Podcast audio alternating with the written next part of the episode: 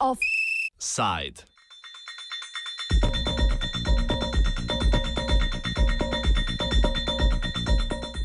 Luka Koper versus SDH eno leto kasneje.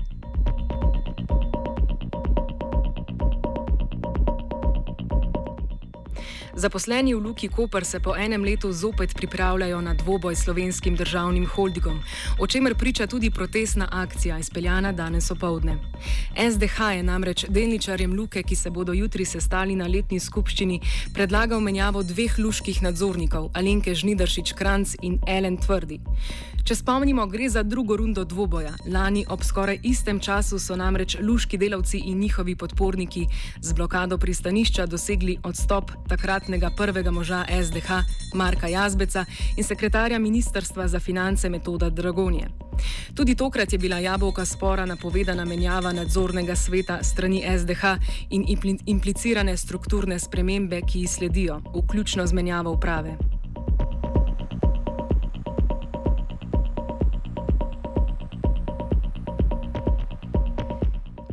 Če so lani argumenti SDH temeljili na domnevno preniski donosnosti Luke Koper, za katere se je kasneje izkazalo, da so temeljili na napačnih podatkih, pa je letos ostal zgolj argument izgube zaupanja v nadzornike.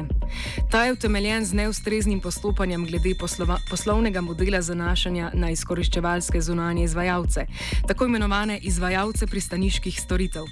Zakaj so se za to potezo odločili tri mesece pred rednim potekom mandata nadzornega sveta, ostaja predmet špekulacije špekulacij. SDH pa zatrjuje, da gre za povsem rutinski postopek pred potekom trenutnega mandata. Mirko Slosar, predsednik sveta delavcev Luke Koper, temu ne verjame. Razlog je vsekakor politični. Današnji nadzorni svet in uprava kaže visoko strokovnost tudi skozi rezultate.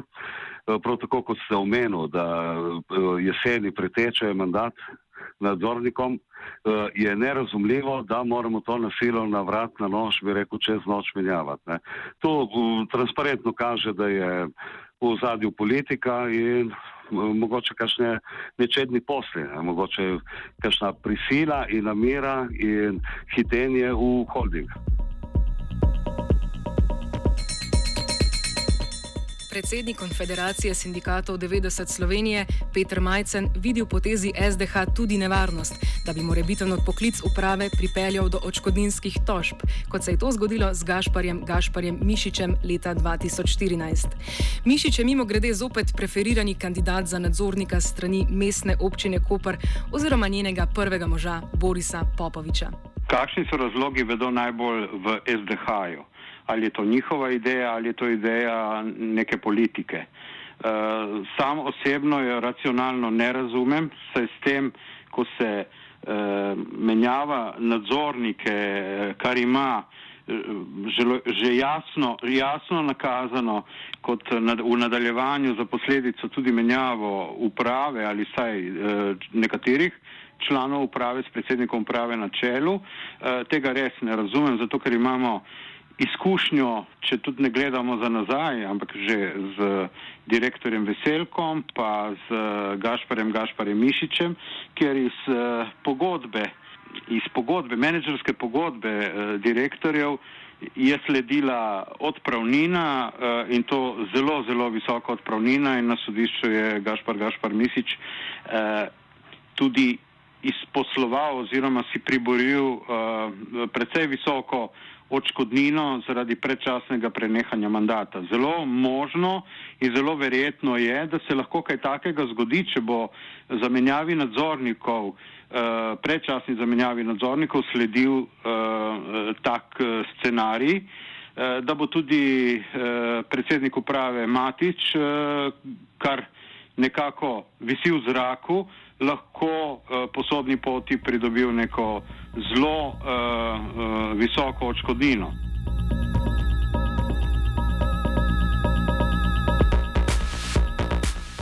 Glavni pomislek zaposlenih in sindikatov, kar zadeva nadzornike predlagane strani SDH, je, da ima eden izmed na novo predlaganih nadzornikov, to je Milan Jelenc, zgodovino delovanja v slovenskih železnicah. Jelenc je namreč član poslovodstva slovenskih železnic. Zaradi dostopa do informacij o poslovanju obeh podjetij, ki bi mu s tem pripadal, inter interpretacija namer SDH po oblikovanju skupnega holdinga Luke in slovenskih železnic, ki bi bil atraktivnejši za potencijalne tuje kupce, po majcnovem mnenju ni privlečena za lase. Poglejte, če vidimo že, da se um, nekako najavljajo kot novi nadzorniki, uh, vsaj eden od njih prihaja iz železnice, to je magistr Jelenc, uh, vidimo in lahko sklepamo zelo argumentirano, kam pa staco moli, kot se reče. Ne? Tako da je zadeva jasna. Zaradi tega tudi pri nas razburjenost. Znano je, kako je bilo pred Luko in uh, v Luki pred enim letom zaradi podobnega razloga. Res je, če se mandati stekajo, je pravica lastnika, da poskrbi eh, na skupščini tudi za zamenjavo nadzornikov, uh, če želi.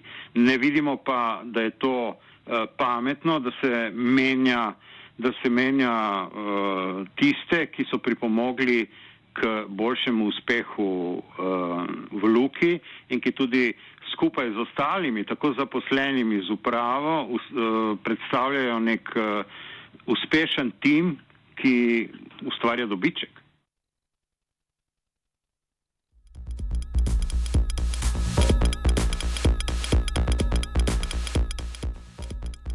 Druga nova predlagana članica nadzornega sveta pa je Barbara Nose, revizorka v družbi Konstantija Plus. Slosar poda tudi svoje videnje razlogov za odločitev SDH po menjavi nadzornikov v času tik pred iztekom mandata. Ja, to je neko izkazovanje moči. Ne. SDH se obnaša, kot da so užaljeni zaradi lanskih dogajanj. Naj dodam, da smo imeli več kot 50 eh, inšpekcijskih pregledov, vse sorti, vse, kar obstaja v Sloveniji. Torej, eh, zaposleni v Luki Koper, predvsem v upravni stavbi, namesto da se ukvarjajo s svojim delom in poslovodstvom podjetja, se morajo ukvarjati z odgovarjanjem razno raznim inšpektorjem. Moramo povedati, da smo poslali verjetno za en Eh, kamionski vlačilec papirja gor tem revizorjem, ki bodo to pregledovali. Eh, sami se sprašujemo, kdo je to sploh sposoben prebrati, ali je to samo nagajanje, ali bodo dejansko pregledali poslovanje. Eh, ve pa se, da Luka Koper posluje transparentno, kakšnih nepravilnosti ni bilo ugotovljeno in tudi zaradi tega nerazumljivo hitenje za menjavo v nadzornem svetu. Kaj se bo zgodilo na jutrišnji skupščini, je po majcnovem mnenju odprto vprašanje.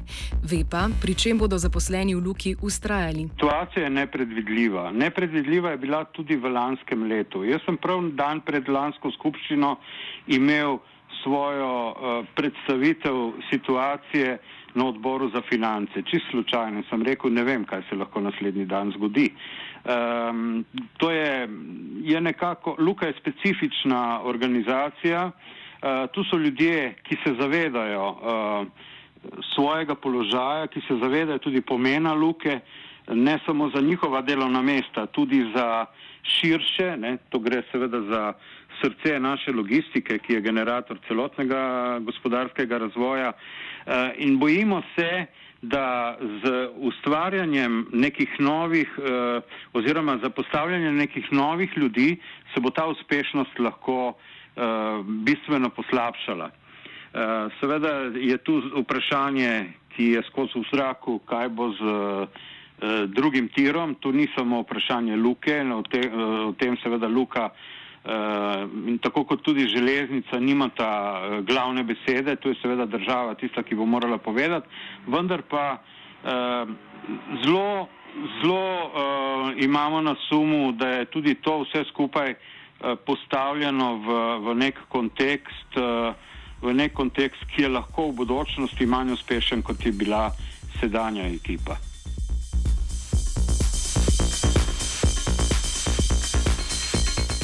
Rok Parovel, član trenutnega nadzornega sveta, verjame, da bodo na jutrišnji skupščini menjali več kot zgolj prvi dve nadzornici. Moje osebno pričakovanje so, da bodo zamenjali večino nadzornikov, po mojem, vsaj štiri od petih. Uh, verjetno želijo, uh, kot se je želani v, v javnosti prišel en dokument, želijo verjetno nas spraviti skupaj holding s slovenskimi železnicami. Saj uh, slovenske železnice kot takšne verjetno nihče noče kupiti in seveda bi radi zraven dali se Luko Koper, ki je dobro stoječ podjetje, ki tolče rekorde iz dneva v dan, iz meseca v mesec, iz leta v leto. In uh, bi bila to neka, ko bi rekel, dodana vrednost pri prodaji holdinga, bi bila ravno Luka Koper, ker ti slovenski železnice verjetno ne bi nihče kupil, vsaj niso v dobrem stanju, tako da lahko pogledamo, kakšne storitve nudijo za nas, navadne potnike, naprimer ne, iz Kopra Ljubljana se voziš koliko dve, tri ure. V nekih navadnih evropskih državah je, bi bila ta pot dolga, ne vem, maksimalno eno uro. Spravi, smo, so so v zelo zaostanku z razvojem in kot takšne verjetno so, pa tudi z finančnega vidika, so verjetno nezanimive tujim vlagateljem, medtem ko če k njej dodamo še Luko Koper, pa morda še kakšno drugo podjetje, ki je v večinski lasti Republike Slovenije, verjetno bi bila bolj zadeva drugačna in bi se dalo potem to lažje prodati dalje.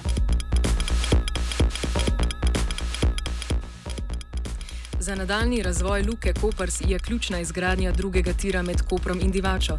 Majcem pojasni, da se zato kljub nasprotovanju načrtom vlade glede načina in financiranja gradnje drugega tira niso vključili v kampanjo zbiranja podpisov za referendum. Vem nekaj zagotovo, da je drugi tir neobhodno potreben za razvoj, eh, nadaljni razvoj luke, za trend sedanjega razvoja, konec koncev ne samo za Luko Koper, ampak tudi za, za interesno za uh, jadranski koridor, južni, vzhodno, uh, vzhodno jadranski koridor, torej iz daljnega vzhoda uh, proti srednji Evropi, uh, kjer uh, lahko Koper skupaj z Luko Trst predstavlja neko končno morsko postajo, Eh, ki je najhitrejša in najbližja srednji Evropi.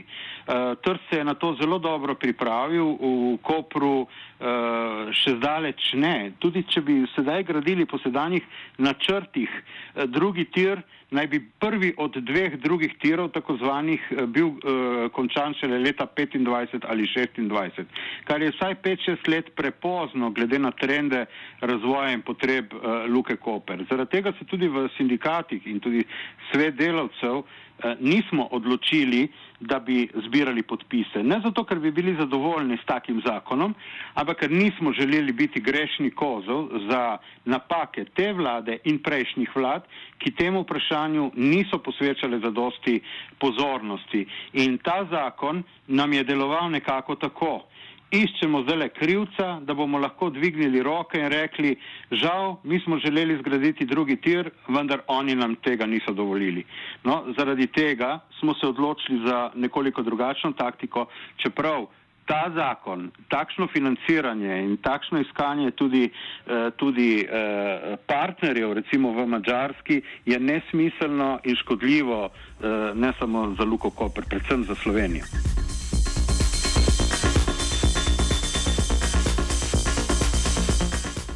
Majcen zagovarja tudi širitev samega pristanišča, ki je v odnosu z mestno občino Koper naletelo na problematizacijo zaradi okoljskih vprašanj. No, tu se moramo odločiti, v, v kateri smeri bo šla Luka Koper.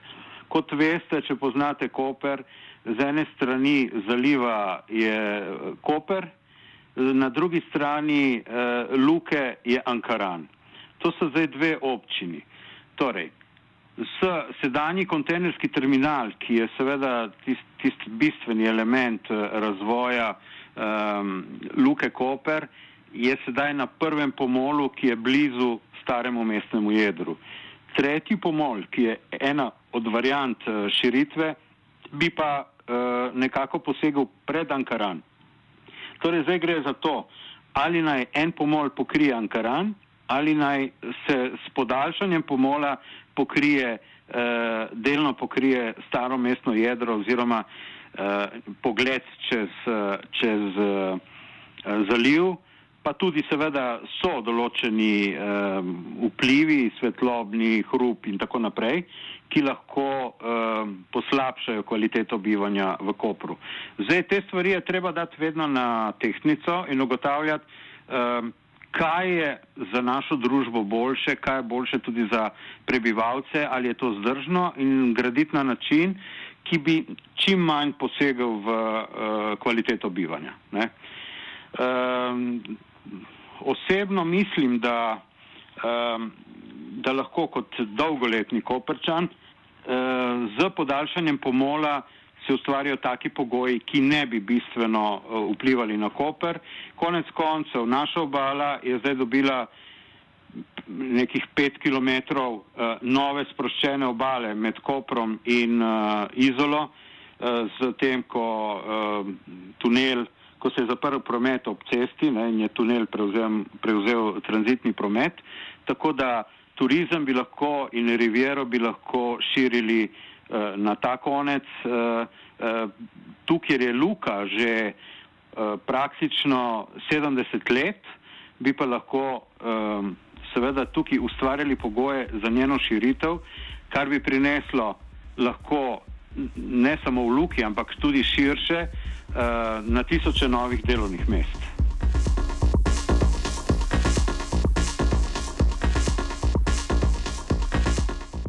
Bi moralo biti vodilo države in SDH v odnosih z Luko, za zaključek današnjega offsajda povzame Majcen. Luka Koper je, uh, interesna, je interesna cona ne samo Kopra, ampak celotne Slovenije. Gre za to, ali jo bomo znali z njo pametno ravnati in jo ohraniti. Uh, vedeti moramo, da se je dolga leta praktično sama gradila, da je Luka Koper zgradila tudi prvi tir in da mislim, da država, ne glede na vsa zlata fiskalna pravila, bi morala toliko uh, najti uh, sredstev, da bi, da bi zagotovila, da se skladno z ostalim gospodarstvom razvija tudi naše pristanišče, uh, saj nam to lahko daje, saj je to lahko generator za razvoj in za uh, pospešitev razvoja celotnega našega gospodarstva. Tretjo rundo dvoboja bo z zanimanjem spremljal Vitežnik.